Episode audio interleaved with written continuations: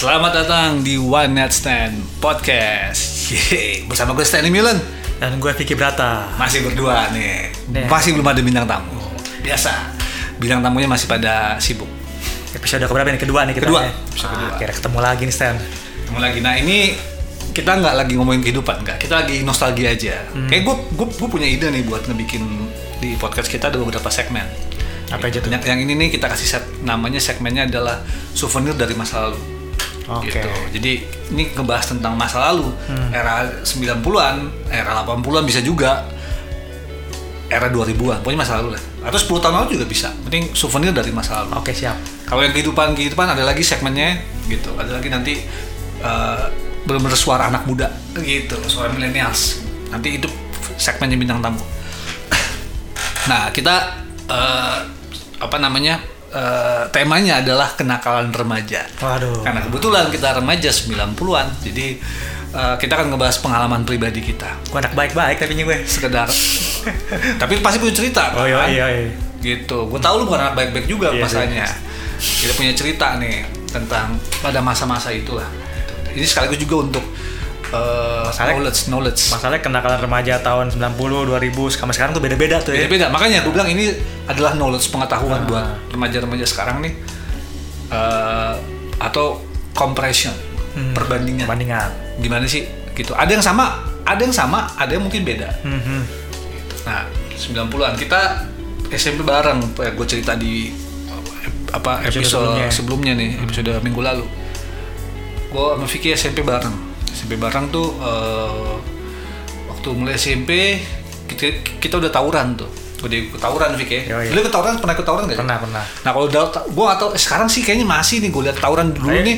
daerah bener-bener- daerah mungkin masih di Jabodetabek yang sono pinggiran kayak Jakarta pinggiran. Kalau ya. apa ya? Tawuran.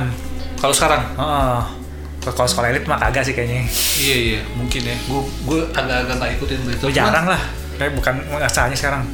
Iya cuma maksud gue eh, mungkin kalau karena memang remaja gitu ya masih meledak Menggebu-gebu menggebu-gebu meledak-ledak. Karena beberapa pentolan dulu zaman gue sekolah ketemu lagi karena udah kalem. Iya. ada beberapa pentolan yang dulu gue tahu dia kalau maju tawuran tuh paling depan. Nyali gede. Ya. Kali gede. Nah dulu kenakalan yang paling gede nanti adalah tawuran sih. Tawuran.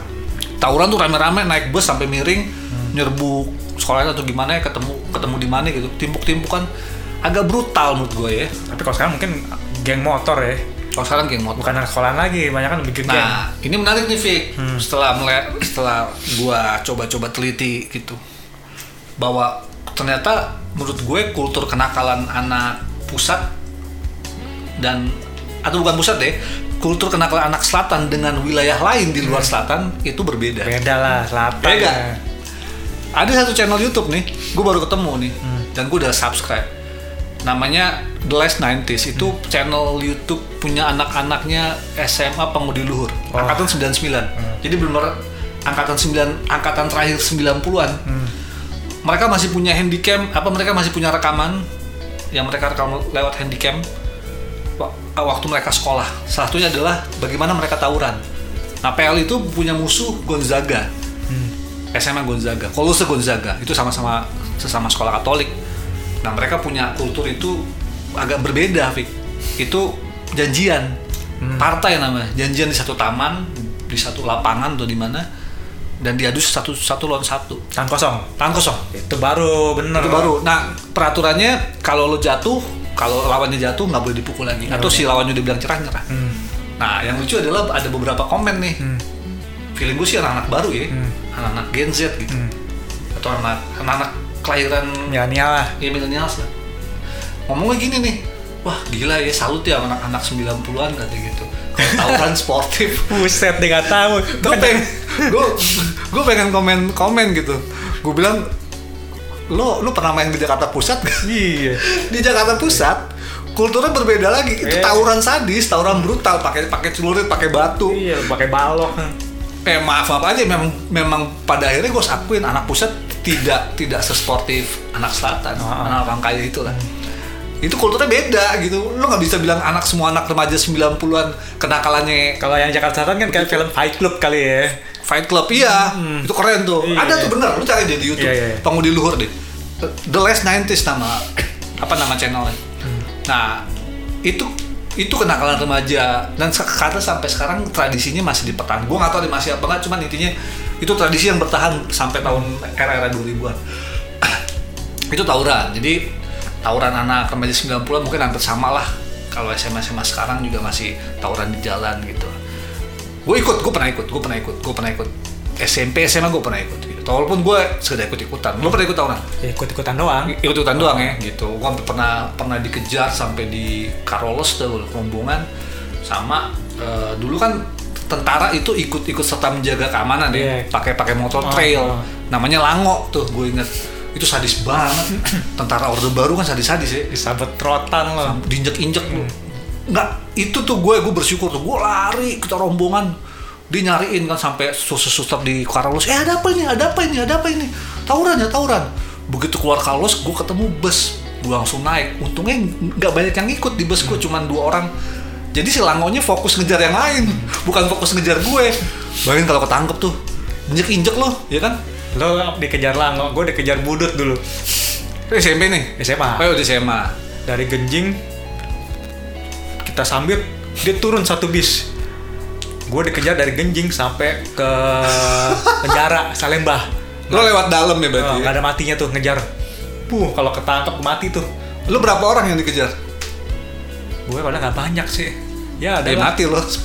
Dia satu bis. ya mati lo Dia mati, mati mati. lo mati bener gue keseret bis tuh kalau gue udah di pinggir bis jatuh keseret wah luka luka gue nggak lagi lagi tuh ya Bang. gini loh kagak ada temen gue satupun yang nolongin mereka kacir kacir bilangin tenang aja tenang aja jangan diikutin tuh kalau temen lo kalau hari itu cerita yang berbeda kita nggak ketemu nih kita nggak ada podcast Iya. nih gue sama lu nggak ada podcast eh, tapi itu kenakalan Iya, sekali lagi iya. itu kenakalan jadi eh, yang pertama kenakalan remaja 90-an identik dengan tawuran. tawuran itu pasti. Kemudian kedua Fik eh, ada lagi nih Fik mulai SMP SMP itu kita mulai kenal-kenal sama porno-pornoan. Oh itu pasti tuh bokep. Dan itu butuh effort. Nah Oh. nggak kayak sekarang. Zaman kita stensil. Stensil. Nah belum ada belum tahu nih stensil itu apa biar tuh gue cerita dulu Nah, ya kan? Stensil itu adalah sebuah buku. Isinya tuh bisa foto dan tulisan. Tulisan porno. Hmm. gitu. Macam-macam deh. Karakternya tuh ada Om Bram tante Sonya. Tante Sonya. Kita sampai apa? Tulisan tulisan Iya. tangan. Tapi kadang-kadang ada imajinasinya itu. ada disertai foto. Fotonya hitam putih Hmm. gitu. Kertasnya kertas eh bukunya buku-buku kayak kayak tetes gitu ya. Iya. eh jelek deh pokoknya deh. Harganya lima ribu kalau gua nggak salah. Kertas stensil itu namanya kertas stensil kertas stensil ya benar. Harganya lima ribu gak sih? Kalau nggak salah lima ribu. ya kurang lebih kayak gitu Iya. deh. Nah belinya gimana? Belinya tuh kayak lu beli narkoba. Hmm. lu harus ke Senen Senen. Senen tuh terminal terminal. terminal terminal Senen. Di situ ada lapak buku-buku tua buku-buku bekas. Hmm. sampai sekarang masih ada kayaknya cuman pokoknya lo masuk aja pasti tawarin deh. Masuk. Apalagi kalau mau buka ABG nih? Pasti ditawarin tuh sama. Apa deh? Stensil ya deh. Hmm. gitu. Wah, apa yang namanya belinya uh, lewat bawah. Sembunyi-sembunyi banget deh. Ah. sampai rumah deg-degan mau buka aduh deg-degan. Gitu. sampai mau macam-macam deh. Aneh-aneh. Nah itu namanya juga remaja pria normal ya Oh, iya. punya gejolak pada sama itu. Itu baru buku belum film. Film.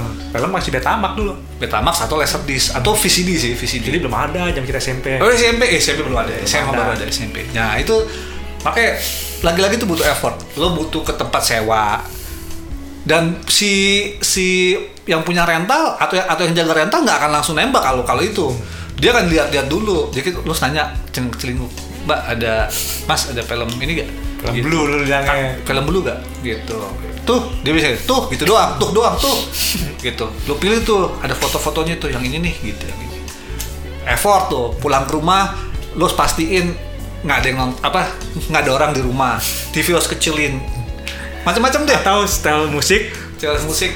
Kenceng-kenceng. Ngeceng tapi tiap tonton. Iya itu makanya gue bilang semua butuh effort. Kalau pada saat itu nakal. Jadi eh, porno-pornoan tuh sebenarnya udah udah ada. Gue tuh malah non gue nih gue pertama kali lihat porno-pornoan tuh majalah Playboy SD kelas 6 sama teman kita Glendy. Gitu. Ada eh, gue daerah daerah. Gue kan juga pernah satu satu tempat tinggal sama Glendy kan apa satu satu lingkungan ya. Ya. satu lingkungan. Nah dulu ada teman kita dia anaknya dokter lumayan kaya di daerah situ. Dia ngajak wih naik ke atas kamar terus dia nih lihat nih penthouse gue ingat penthouse, Eh, penthouse, ya. bukan playboy penthouse. Penthouse, ya. penthouse. Pertama kali itu gue ngeliat deg-degan asli deg-degan. Wah apaan nih?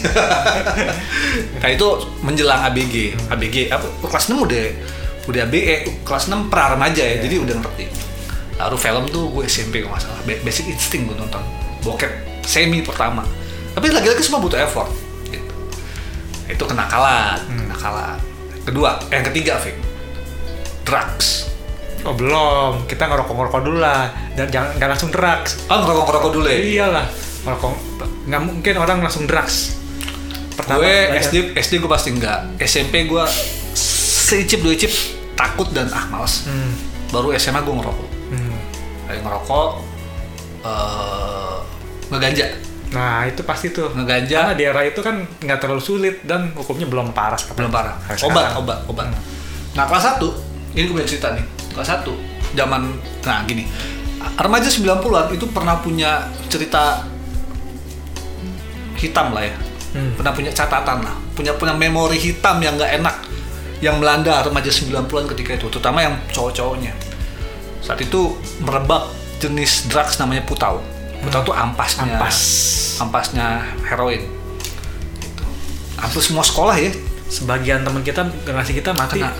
Ada yang lewat itu ya. lewat banyak banget. Banyak lewat. Man, entah sekolahnya Vicky, gue SMA gue bisa sama Vicky. SMP bareng, eh SD bareng, SMP bareng, SMA bisa. Dia negeri, gue swasta Katolik.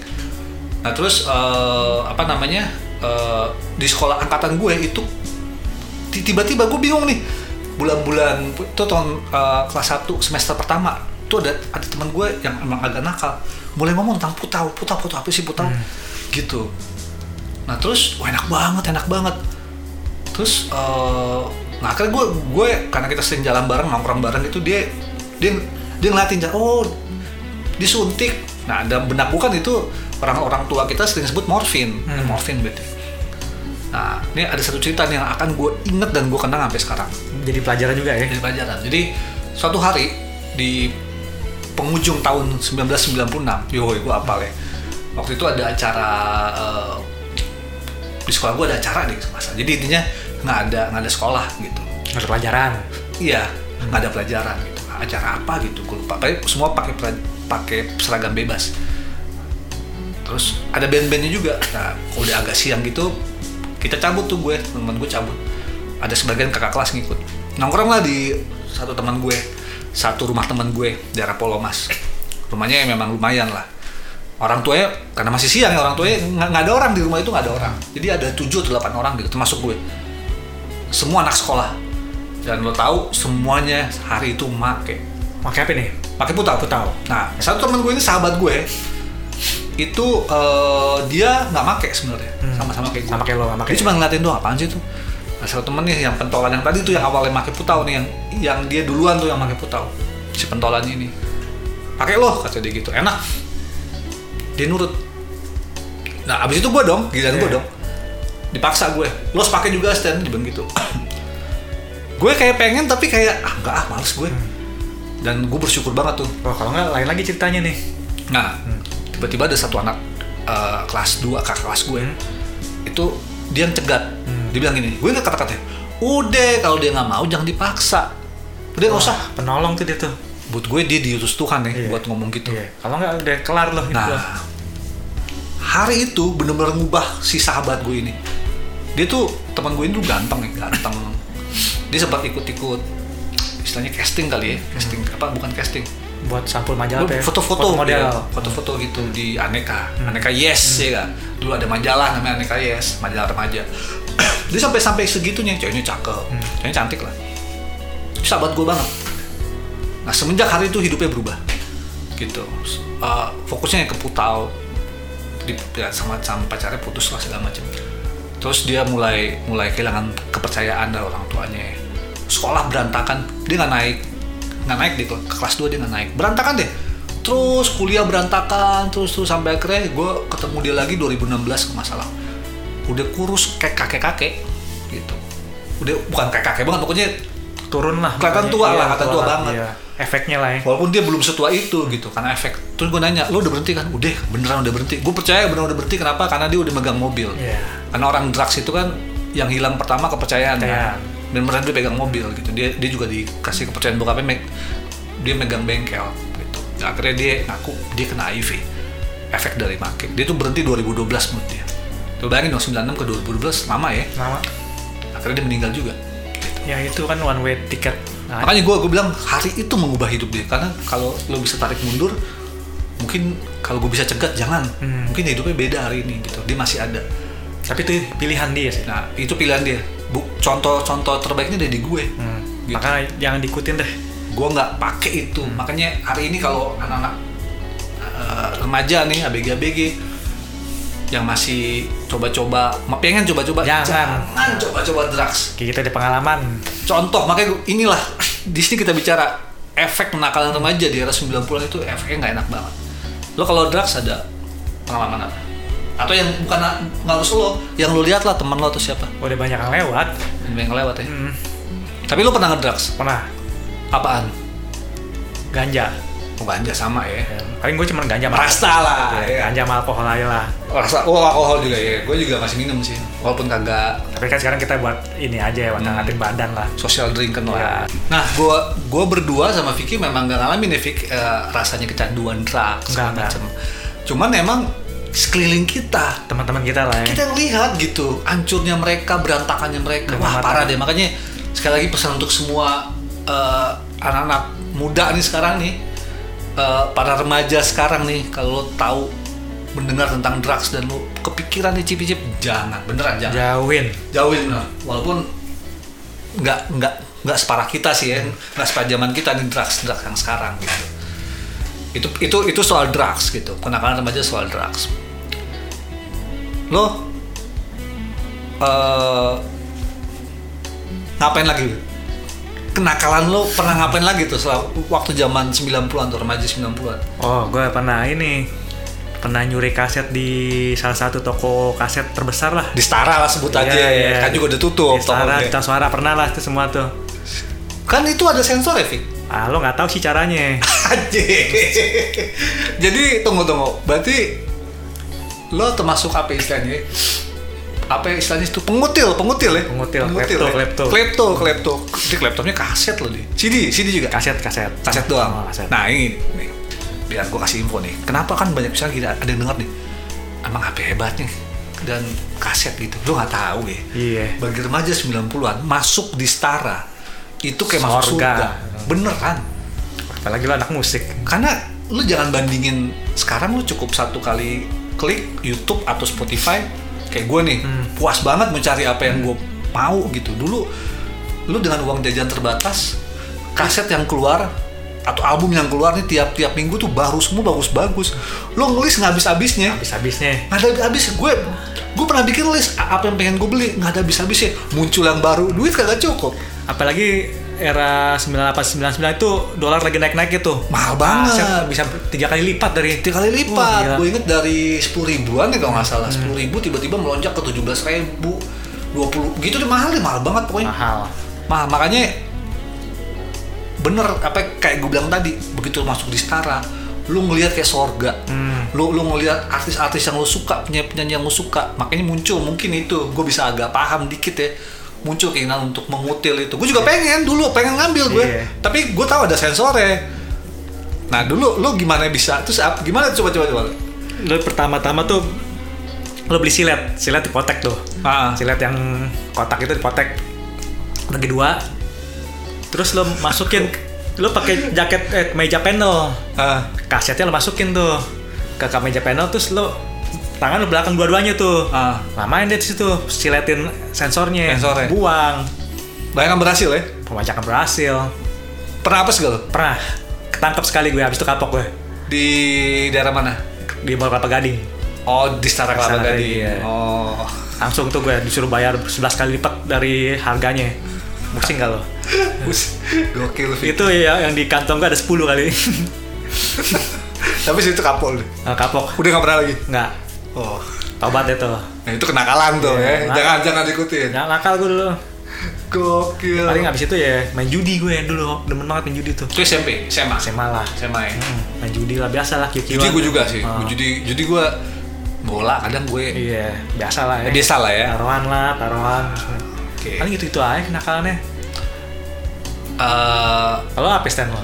gue pernah nih dulu nih Hmm. ah, ini mencoba nakal Oh, ceritanya coba nakal. SMP mencoba nakal ceritanya.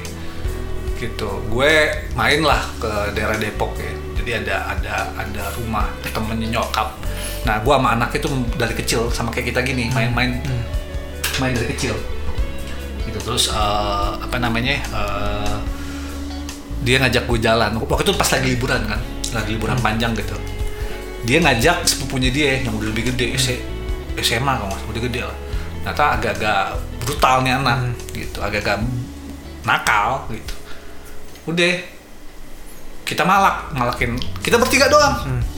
Cari-cari tempat sepi di Depok naik kereta turun kereta malak. Dia kan udah gede. Gue lihat sini cara dia malak. Gue takut malah. Gitu. Sendalnya diambil. Mas sendal lu sini tuker. Macam-macam deh. Tibalah di gue. Lo coba lo tes sama tuh yang itu tuh. Dia tunjuk tuh ada ada dua anak kayak kayak gue ya. Lo tau gue kan? Gue dateng. Nah gue nanya eh lo anak mana? Dia ngeliatin gue anak sini katanya gitu. Oh lo punya duit gak? Bagi dong gue gitu. Nggak ada. Oh ya udah. Wah, lo gagal lo. gue mundur. Mukanya lo gak ada serem-seremnya lagi. iya makanya. Nggak eh kata dia nggak ada. Oh ya udah. Ya itu mencoba nakal. Iya. ada lagi gue cerita eh eh, apa namanya? Ini SMA nih SMA kelas 1 waktu kita nginep di rumah teman gue di daerah Pokomas ini beda sama yang teman gue itu tapi masih satu circle lah geng-geng sama. Malam mingguan kita nginep. Wis, waktu itu pokoknya gue lupa gimana ceritanya pulang jalan bukan jalan kaki. Nggak jauh juga nongkrongnya di Pulau Mas tuh ada ada ro- roti bakar. Roti bakar yang banyak anak anak mobil lah nongkrong situ. Tapi kan rumah deket kita kagak pakai mobil jalan kaki doang udah malam jam satu sampai jam jam 2 gitu. Pulang nih pulang nih. Ada mobil-mobil mewah di parkir nih. Gitu. Kita bener-bener kayak kayak Nirvana banget nih. Bener-bener spirit spirit grunge banget nih. Spirit Kurt Cobain. Kita naik Vic di mobil-mobil mewah itu. Kita lon- loncat-loncat di Ya, situ. di kapnya atasnya. di kap atasnya. Oh gila ya. Ah itu tuh, itu gue inget tuh. Saat itu sayangnya belum ada HP buat ngerekord tuh ya. Buat ngerekam kalau ada itu itu gokil sih. Oh, iya. Loncat loncat kayak Kenny Fargo. Ada yang bunyi gak ya? Gue lupa deh. Ada nggak ada nggak ada yang bunyi. Apa ya maksudnya? Alarm. Nggak ada yang bunyi alarmnya tuh nggak ada yang bunyi gitu. Kan Pulau Mas rumah-rumah gede kan. Lari, lari menuju arah rumahnya dia. Terakhir nih penutupannya teman gue si pentolan yang tadi gue bilang itu yang memperkenalkan putau dia ambil batu lari lu semua dia lempar sejauh mungkin tuh gue lupa tuh bunyi apa enggak tuh lupa gue Kena mobilnya? kena kayaknya brok gitu udah lari dia masuk dalam kan belum ada CCTV dulu Iya. iya. itu bentuk salah satu bentuk kenakalan macam-macam deh gitu pikir-pikir ngapain juga? Iya, juga ngapain juga ya. Nah itu cita dari kita yang mungkin nggak nggak nakal-nakal banget. Cuman gini, teman-teman kita memang saat itu ya begitu. Saat itu memang agak terbatas karena belum ada internet gitu. Jadi le- lebih aktif lah, aktif keluar maksudnya, Yoi. aktif ak- aktif di jalanan, nongkrong sampai pagi. Mobil motor udah ada, anak-anak geng-geng mobil geng, geng motor tuh udah ada. Gitu. Yang lebih seru ketika lo eh, bisa diajak seseorang gitu yang eh, anak selatan itu gimana kayak gue ada sep- sepupu gue anak selatan dibawa ke tongkrongan di selatan beda banget kultur ya pak Iyalah. Selatan tuh beda. Iya. Eh, apa namanya nongkrong di Mahakam jalan Mahakam di Blok M terus jam-jam berapa tuh trek-trekan di eh, A- Asia Afrika gitu. Mobil liar balap balap balap balap liar di Asia Afrika gitu. itu kenakalan yang ya lu bisa compare deh kalau sekarang nggak tahu kenakalan yang sekarang tuh yang identiknya apa ya. Tawuran sih masih tawuran ya. Ngebegal. Enggak. geng motor juga. Geng motor. gitu geng motor. Dulu udah ada geng motor setahu gue. Cuman tidak sebrutal sekarang mungkin Sama ngomong sembarangan di media sosial tuh. iya benar-benar kalau sekarang Tinggal materai 6000 minta maaf. Iya, Nangis-nangis. Ngomong sembarangan nggak dijaga ya. ngomong sembarangan Hmm. Ya, itu, itulah. itu ntar kita bahas lain lagi ya. ya itu itu itu itu, itu kita bahas di tempat lain lah cuma maksudnya eh, setiap remaja kan punya masanya ya Yo ya. dan meninggalkan jejaknya tersendiri gitu kita pernah ada setiap kita nih pernah ada di masa-masa kita pernah jadi sombong dan bodoh dalam waktu bersama deh gak? Ya. merasa paling jago Fik kalau kalau di- lagi remaja waktu zaman zaman remaja lu ngerasa paling jago kan Iya. sekarang gue malu lu bener Bener. Kalau kita pikir ngapain lu begitu ya? ngapain ya gitu mabok tuh bangga Iya, pasti dulu. Oh, pernah. banget Pernah gue mabok sampai bangun-bangun di depan parkiran orang gue di malam-malam. ada ada ada aja. gue gak pernah tuh gue gak pernah Pernah tuh. ya ya itu cerita remaja masa lalu lah remaja 90-an souvenir dari masa lalu kita gitu. Jadi supaya supaya di compare lah di compare diskotik diskotik juga gue gue belum main diskotik 90-an tuh gue belum. Gue belum masuk masuk ke diskotik. Kalau udah masuk diskotik katanya agak lebih berat lagi nah kalau tuh gitu. Lo udah nyobain max nyoba drugs yang yang lebih berat. Untungnya kagak ya. Untungnya kagak gitu. Biasa-biasa aja perempuan juga biasa lah ya. Biasa, masih serba biasa, masih wajar sampai kena. Nah, tapi itu kenakalan remaja di mana yang tadi gue bilang yang mau mencari barang porno lo harus butuh effort, butuh usaha. Semuanya. Hmm. Semua semuanya butuh usaha gitu. Uh, kan karena karena nggak ada internet apa namanya karena lo nggak bisa fokus di gadget lo keluar terpaksa lo menghabiskan energi lo di jalanan. Jadi eh, itu cerita cerita dari kita souvenir masa lalu dari kita tentang kenakalan remaja. Apakah sama dengan sekarang? Silakan di compare yang jelas. Kalau ada yang buruk jangan di Ditiru lah ya. Jangan diikutin. Gitu biarkan itu menjadi Pelajaran lah. pelajaran menjadi eh, masa lalunya kita remaja 90-an ya itu aja paling eh, di episode kedua ini tentang eh, kenakalan remaja pembahasan dari kita kita akan bahas episode eh, kita akan bahas tema-tema lain yang lebih menarik di episode berikutnya. Gitu. Ada bintang tamu kali ya kayaknya. Bisa bisa. kita akan usahakan bintang tamu nih. Oke. siapa? Kita nggak tahu. Gak tahu nggak. Surprise lah. surprise lah pokoknya. Kalau lu pikir ini siapa sih? Ya pokoknya bintang tamu aja. Kita siapa juga? Kita nggak bodo amat ya kita siapa. kita bisa tarik siapa pun pak jadi bintang tamu pak. Iya. yang jelas harapan kita kalau lo bisa ketawa dengerin podcast ini bagus. Kalau lo terinspirasi juga bagus. Kalau dapet pengetahuan informasi bagus. Nggak ada faedahnya juga nggak Gak apa-apa. Apa. Lo pengen hujat juga nggak apa-apa. Kita nggak yang penting kita kita memberikan kalian semua cinta. Iya. yang penting kalian bisa merasakan cinta dari kita berdua. Begitu aja dari gue.